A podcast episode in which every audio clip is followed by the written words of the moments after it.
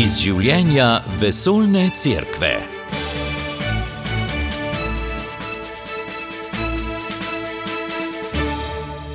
Drage poslušalke, spoštovani poslušalci, lepo pozdravljeni v tem nedeljskem dopolednevu.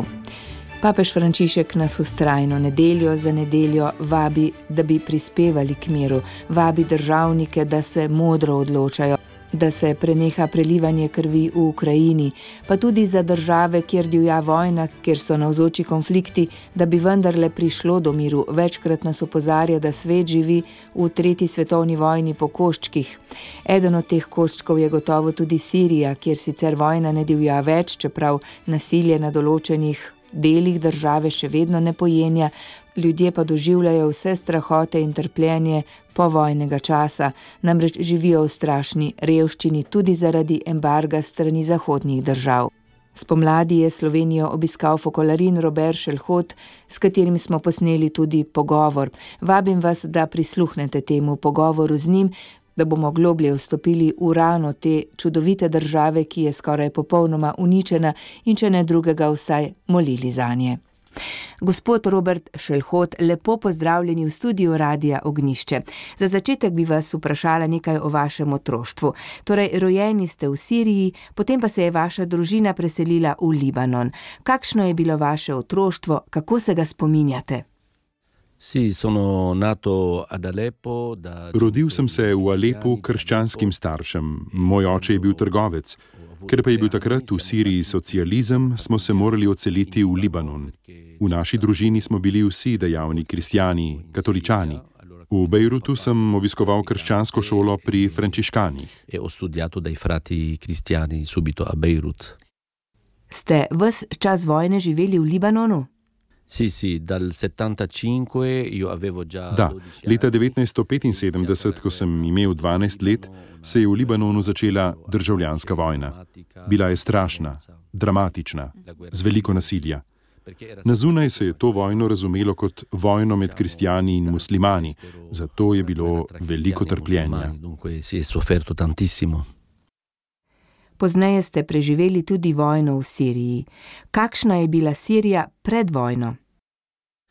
Sì, di quello che io so anche dai, dai genitori e poi... Marsikaj se še spomnim, saj sem pogosto s stricem potoval iz Libanona v Sirijo in sva obiskovala moje stare starše. To je bila čudovita dežela. Dobro sem poznal mesto Alep, čudovito mesto, z velikimi razvojnimi možnostmi, tudi lepo urejeno. Tam je pred vojno živelo zelo veliko kristijanov. Navzoče so bile krščanske cerkve različnih obredov, in crkveno življenje je bilo pestro.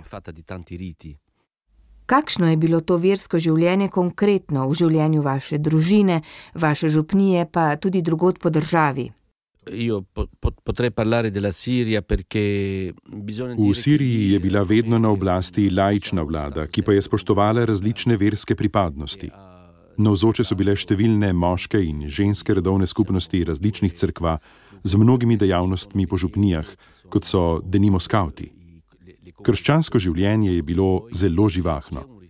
Poleg tega je vladalo spoštovanje med kristijani in muslimani. V Siriji sploh nismo poznali medverskih konfliktov.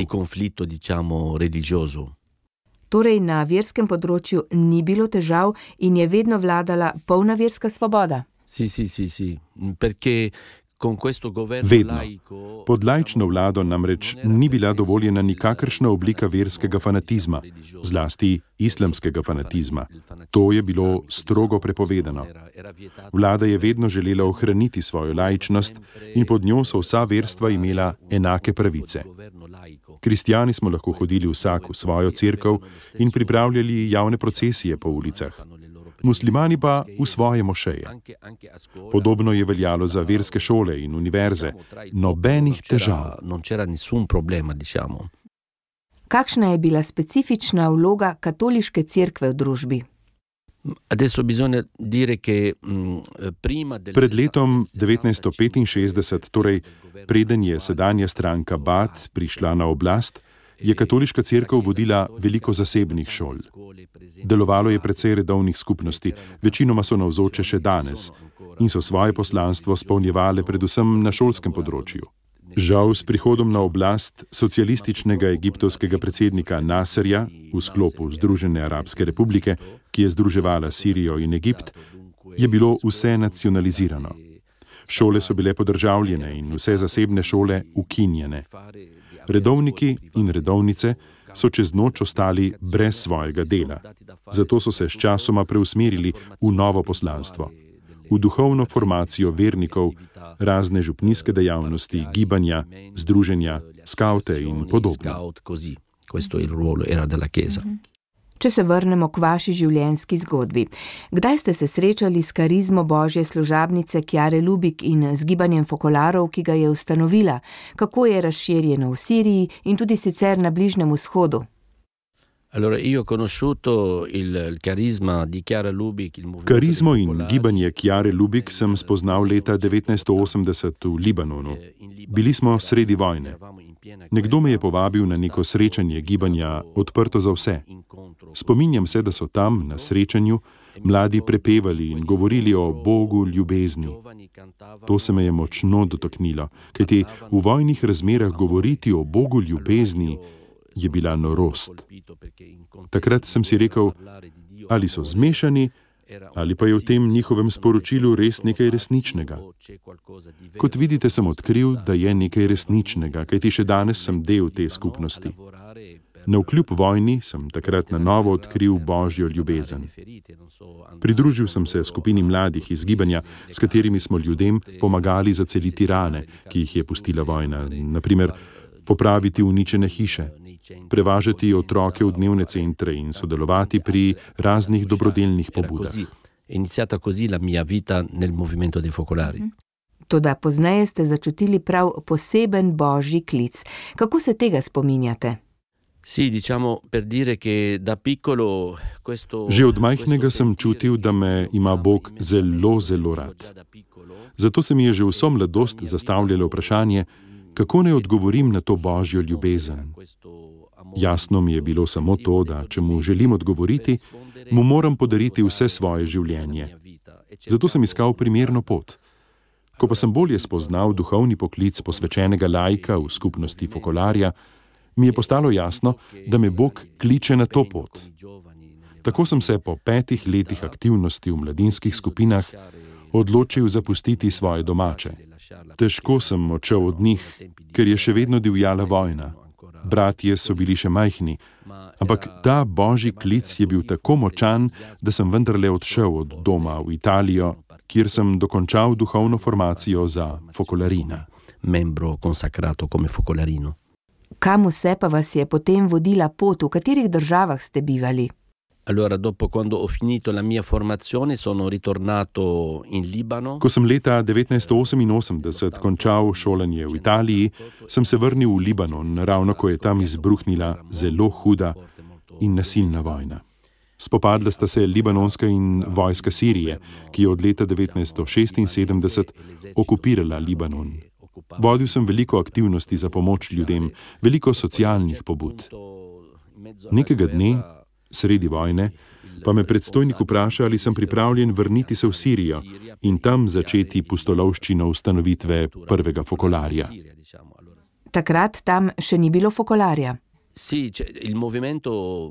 Naše gibanje je že bilo v Siriji, navzoče že od 70-ih let, po zaslugi nekaterih duhovnikov, redovnikov, ni pa še bilo fokolarja, hiše skupnosti s posvečenimi člani. Tako sem konec leta 1990 v Alepu popolnoma sam začel to pustolovščino in tam odprl naš prvi moški fokolar. Kmalu sta se mi pridružila še dva druga in lahko smo praznovali uradno odprtje. Par let pozneje je bil odprt tudi ženski fokolar in začela se je polna navzočnost našega gibanja v Siriji. In potem? E poi sono rimasto V Siriji sem deloval polnih 18 let, vse do leta 2008. Lahko rečem, da sem v tistem času spoznal vso lepoto Sirije, pa ne samo dežele, temveč tudi lepoto ljudi, kristjanov, muslimanov. Treba je povdariti, da je bila Sirija pred vojno zares čudovita dežela, z bogato kulturo, zgodovino, duhovnostjo. V teh 18 letih sem duhovno spremljal veliko oseb in lahko povem, da sem videl božje delovanje v življenju številnih posameznikov. Od leta 2008 sem šest let spet deloval v Libanonu. Sledilo je krajše obdobje v Alžiriji, kjer sem doživel močno izkušnjo dialoga z islamom. Za dve leti sem se vrnil v Libanon in od leta 2017 pa do danes živim v Siriji. Torej, večino svojega življenja ste preživeli v nemirnih državah Bližnjega vzhoda. Kakšna je vloga cerkve, katoliških gibanj in skupnosti in zlasti vašega gibanja v tem delu sveta? Sì, eh, io praticamente ho vissuto sempre da, in contesto. Skoraj vedno sem živel v vojni. Spominjam se, ko mi je bilo pet let, je že bila vojna, tako v Siriji kot v Libanonu. Vsta čas si je crkva prizadevala za dialog. Za nas je zelo pomemben dialog z islamom, kot tudi ekumenski dialog. Šele ob izbruhu vojne je crkva v Siriji začela intenzivnejše delovati na socialnem področju. Tako smo se tudi člani različnih gibanj in skupnosti angažirali na tem področju. Pred vojno preprosto ni bilo te potrebe, saj je bila Sirija bogata, dobro stoječa država. Morda se sliši protislovno, to da vojna nam je vsem odprla srce za potrebe drugih v družbi in tudi za dialog z islamom. Lahko rečem, da je v tem tudi velik prispevek našega gibanja, kot tudi drugih gibanj v Siriji. Potrebe so velike in se nenehno sprašujemo, kaj lahko prispevamo, ne samo na socialnem področju, temveč tudi pri človeški formaciji mladine. Gospod Robert Šelhot, nam lahko pomagate razumeti sam začetek vojne v Siriji. Poslušali smo o revoluciji, o arabski pomladi leta 2011. Je bila res izzvana od zunaj, od koga? È una domanda un po' difficile. Adesso io non è che faccio. To je težko vprašanje. S politiko se posebej ne ukvarjam, lahko pa povem svoje osebno mnenje. Veliko tega sem videl, slišal, prebral in se o tem zanimal. Arabska pomlad je ena velika laž. Treba je vedeti, da so vsi oblastniki, ki so v arabskih državah prišli na oblast, lahko te položaje zauzeli samo ob pomoči Zahoda. Ni nobene diktature, ki ne bi bila podprta strani velikih sil. V določenem trenutku te velike sile niso več želele imeti opravka z diktatorji in so se namenile spremeniti razmere. Torej ta pomlad, ki jo pri nas ne imenujemo pomlad, temveč arabska jesen, je bila žal narekovana od zunaj. S tem ne opravičujem politike vladarjev, ki so bili na oblasti, ki so storili veliko negativnega svojim ljudstvom. Toda način, kako je bilo to storjeno, nikakor ni bil v redu. Zahod je hotel usiliti določeno zahodno demokracijo v narekovajih, ki pa pri nas ne deluje. Ni niti v naši kulturi, niti v naših religijah, skratka, to na Bližnjem vzhodu ni najbolj ustrezen način družbene ureditve. Zlasti za islamsko vero je značilen povsem drugačen sistem vladanja in družbenega sožitja, ki ni podoben konceptu zahodne demokracije. V tem smislu je bilo veliko zahodnega licemerstva. Hoteli so nam usiliti nekaj, kar pri nas preprosto ne deluje. Žal je v naši regiji zelo lahko zanetiti vojno, saj v naših državah sobiva več različnih verskih entitet. Dovolj jih je vse oborožiti in takoj se bodo začeli bojevati eni proti drugim. Tako preprosto je ustvariti konflikt. Sedaj pa imamo posledice teh konfliktov, ki so grozovite. Vrsto let smo videli prizore iz Sirije, pred katerimi smo lahko samo obnemeli kakšne so posledice vojne v družinah, pri posameznikih in zlasti pri otrocih, ki so se rodili v času vojne, so traumatizirani. Sì, sicuramente perché la guerra è stata molto, molto forte. Zagotovo so traumatizirani, kajti vojna je bila zelo huda. Ob njenem začetku sem bil še v Libanonu in ko sem videl posnetke prvih protestov, sem opazil, da so bili protestniki že oboroženi in so takoj začeli streljati. Vladne enote so na to seveda odgovorile. Takoj mi je postalo jasno, da je upor propadel, kajti začel se je z nasiljem in protestniki so bili že oboroženi, kar pomeni, da je orožje že prej prišlo v Sirijo v ta namen. Vojna je bila že od začetka zelo kruta in nasilje se je v nadaljevanju samo še stopnjevalo.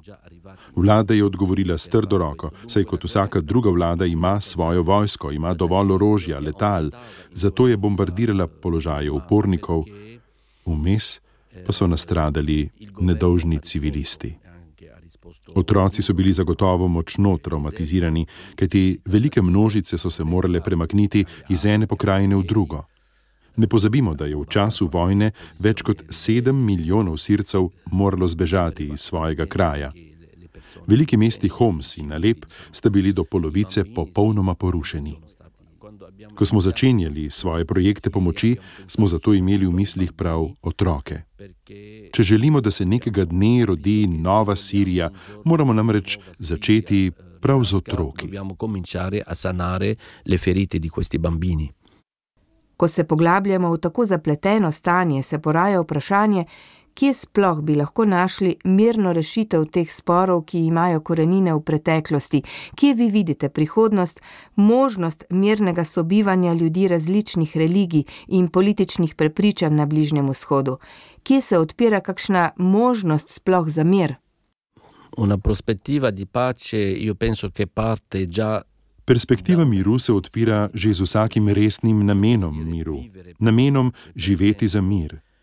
Pri tem je prvi korak vprašanje orožja. Za doseganje miru prav nič ne koristi pošiljati orožje za bojevanje. Danes vsi hočejo v Ukrajino poslati orožje, da bi se bojevala z Rusijo.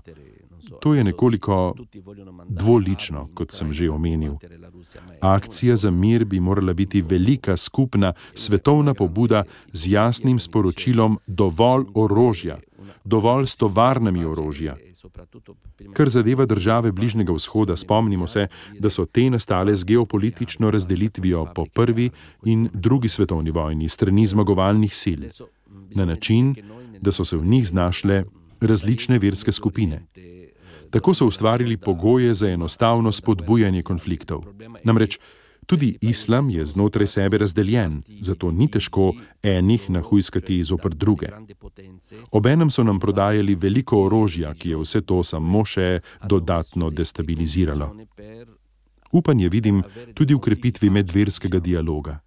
V krepitvi ekumenskega dialoga in našega jasnega sporočila Zahodu, prosimo, pustite nas pri miru. Ne smemo vsega podrejati ekonomskemu interesu. Danes je jasno, da je vojno v Siriji v resnici sprožilo vprašanje plina in plinovoda, ki bi po mnenju enih moral prečkati Sirijo, drugi pa so temu nasprotovali. Si predstavljate? Uničeno je bilo življenje celotne čudovite države zgolj zaradi nekega ekonomskega motiva, zaradi naravnih bogastv, od katerih naj bi velike sile imele svojo ekonomsko korist. Naj nas te velike sile raje pustijo pri miru.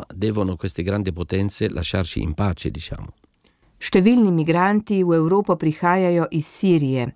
Ali nam lahko pojasnite, kako to, da je med njimi toliko mladih moških? Marsikdo v Evropi si misli, zakaj ne ostanijo in prispevajo k obrambi ali razvoju svoje domovine. Partiti. Več je razlogov, zakaj so migranti odšli iz Sirije. Pri mnogih je razlog ta, da so bila njihova mesta bombardirana in so popolnoma uničena, zato so zbežali v Turčijo in odtot v Evropo. Drugi so odšli zato, ker so sodelovali z opozicijo. Borili so se proti vladi in so v določenem trenutku morali zbežati. Veliko pa je zbežalo mladih, ki sicer podpirajo vlado, to da ne želijo v obvezno služenje vojaškega roka. Ta sicer pri nas v Siriji traja do največ dve leti in pol. Toda ob izbruhu vojne se vojaška dolžnost podaljša in mladi so morali ostati v vojski tudi 9, 10, 11 let. Moj dober prijatelj je v obvezni sestavi rezervnih sil vojske že od začetka vojne, to je več kot 9 let. V vojski se je tudi poročil, zato mnogi raje odidejo. Naj dodam, da vojaška obveznost ne zadeva študentov in sinov edincev. Vse druge pa zadeva in zato iščejo drugačno perspektivo za svoje življenje. Zato odidejo. Cercano una soluzione migliore andando fuori. Kakšno pa je danes stanje v državi, se vendarle ureja, se razmere izboljšujejo, kako vam gre? Va male, va malissimo, va... Gre nam slabo, zelo slabo. Žal. Boli me srce, ko mnoge slišim, da pravijo, med vojno je bilo bolje.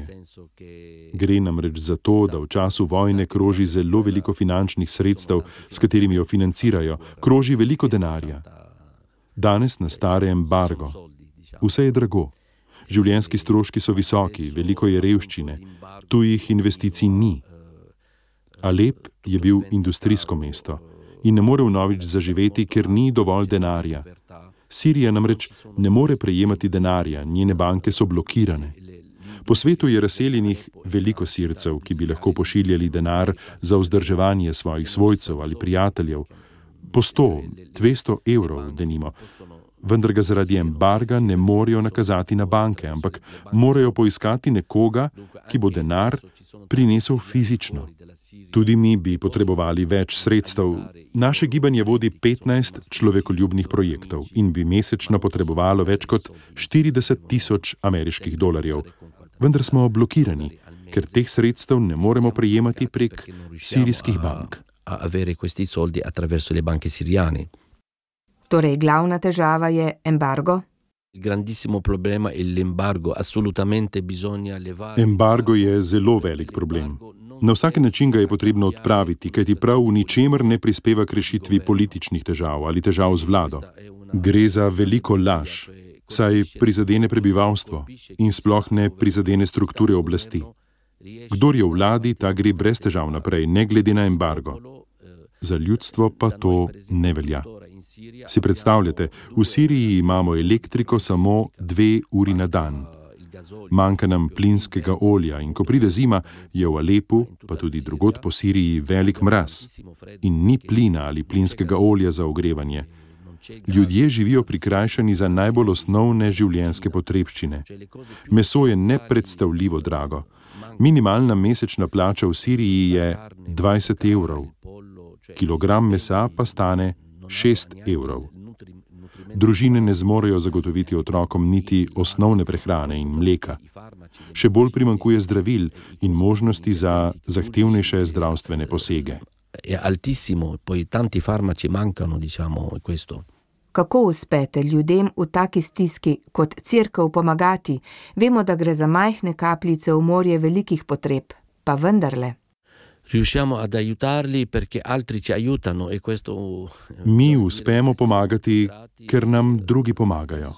Zato moramo biti zelo hvaležni vsem prijateljem v tujini, še posebej evropejcem, ki so veliko pomagali. Če ne bi bilo cerkve v Evropi, raznih dobrodelnih organizacij in ustanov, bi bilo pri nas še veliko huje.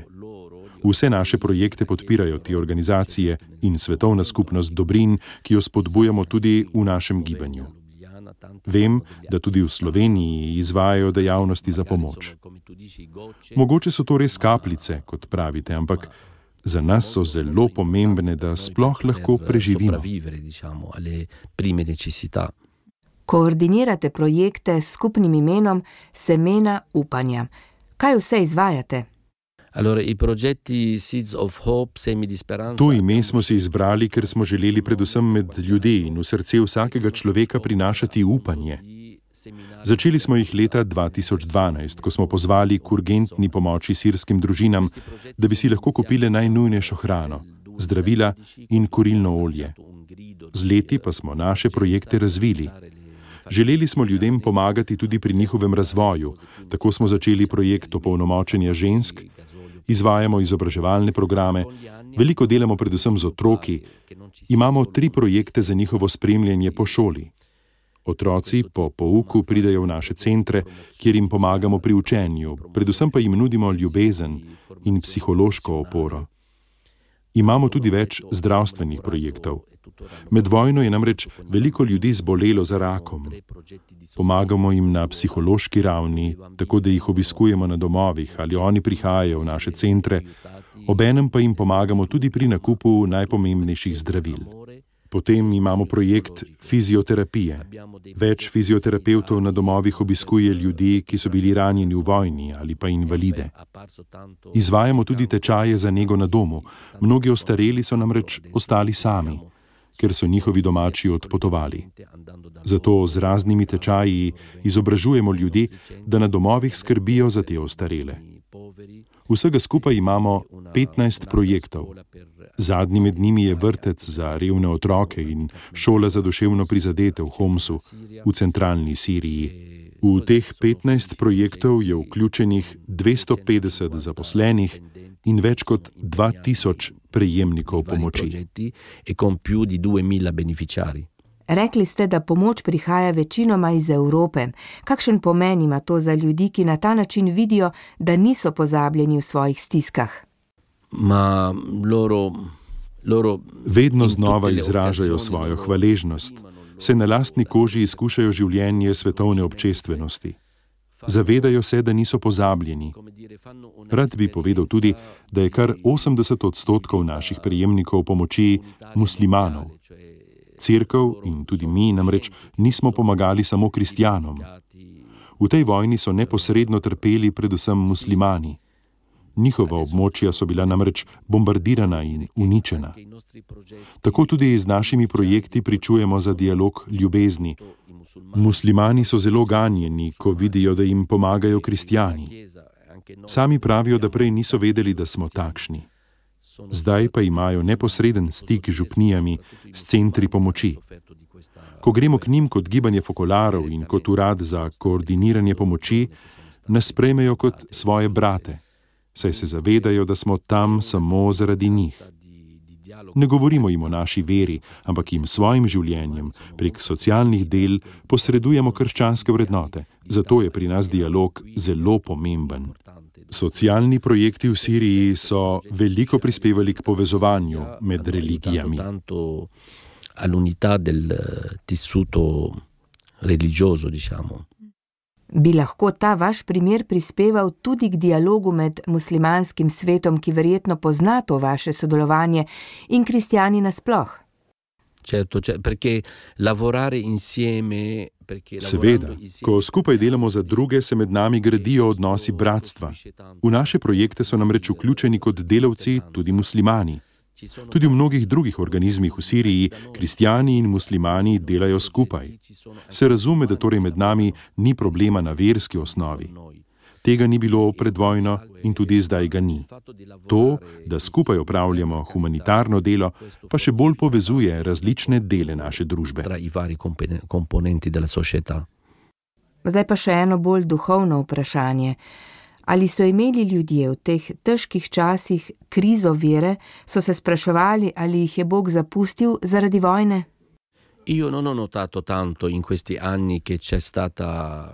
V vseh teh letih nisem zaznal neke posebne krize vere.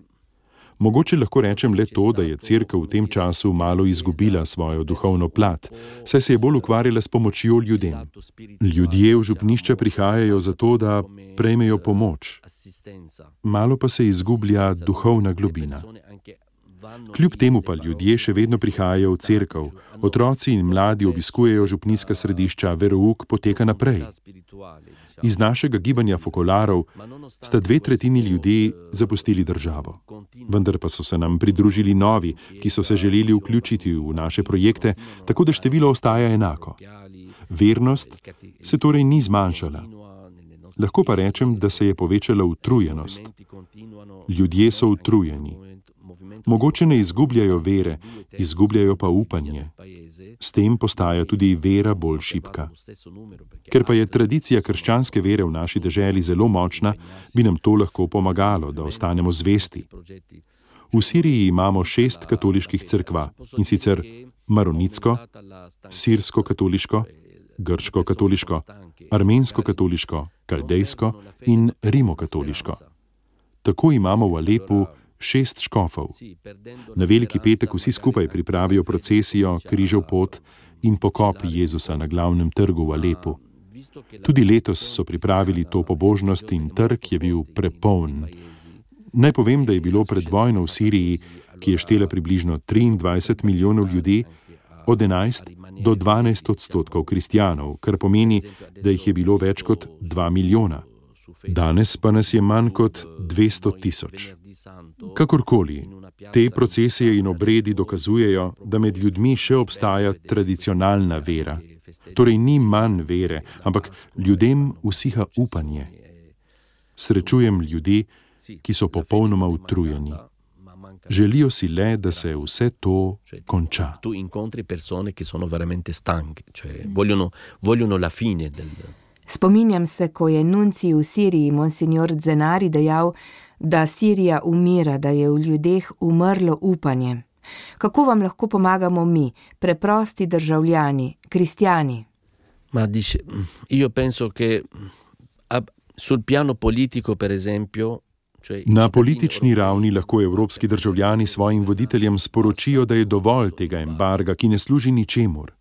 Učinek embarga je le v tem, da uničuje narod. Potem je tu tudi raven človekoljubne pomoči. Samo mi v gibanju Fokolarov za pokritje naših 15 projektov pomoči na leto potrebujemo 700 tisoč evrov. Potem pa so še mnogi drugi humanitarni projekti, ki jih izvaja crkva. Zato je zelo pomembno, da nas pri tem podprete. Sirija potrebuje denar, da bi na novo zaživela. Na duhovni ravni pa je treba moliti še naprej za mir in delati za mir. Tudi če nekdo iz Slovenije živi za mir, ima to vpliv na vse svet. Pri nas je mnoge strah tretje svetovne vojne ali pa tudi jedrske vojne. Kaj bi jim vi, ki ste preživeli vojno, svetovali, kako premagati ta strah in kako živeti z njim? Si, bisogna pregare. Gotovo je treba moliti. Potem pa bi svetoval tudi, da ne poslušate veliko raznih novic, ki prihajajo z vseh strani, z družbenih omrežij, in da ne sledite ravno vsemu, kar prinašajo mediji, razen seveda radio ognišče. V svetu je veliko negativnega. Neka negativna sila želi ljudem vzeti pogum in jim uliti strah. To je del zarote. Ostajajmo v upanju, tako da širimo dobro, da ne dajemo preveč poudarka negativnim novicam, predvsem pa, da jih ne širimo. Negativnost namreč prikliče negativnost. To sem doživel tudi v Siriji.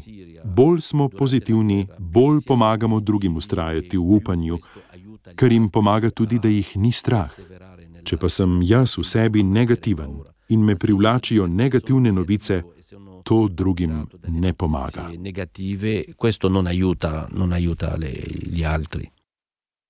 Hvala vam. Ostanimo torej v tej misli, ostati pozitivni in graditi mir tam, kjer smo. Hvala vam, da ste me sprejeli v tej čudoviti deželi, v tem čudovitem mestu.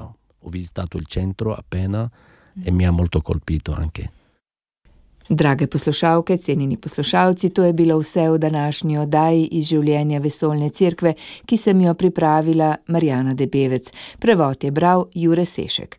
Želim vam lepo in blagoslovljeno nedeljo. Poslušali ste oddajo iz življenja vesolne cerkve. Ponovno ji lahko prisluhnete v našem audio arhivu. radio.ognisce.si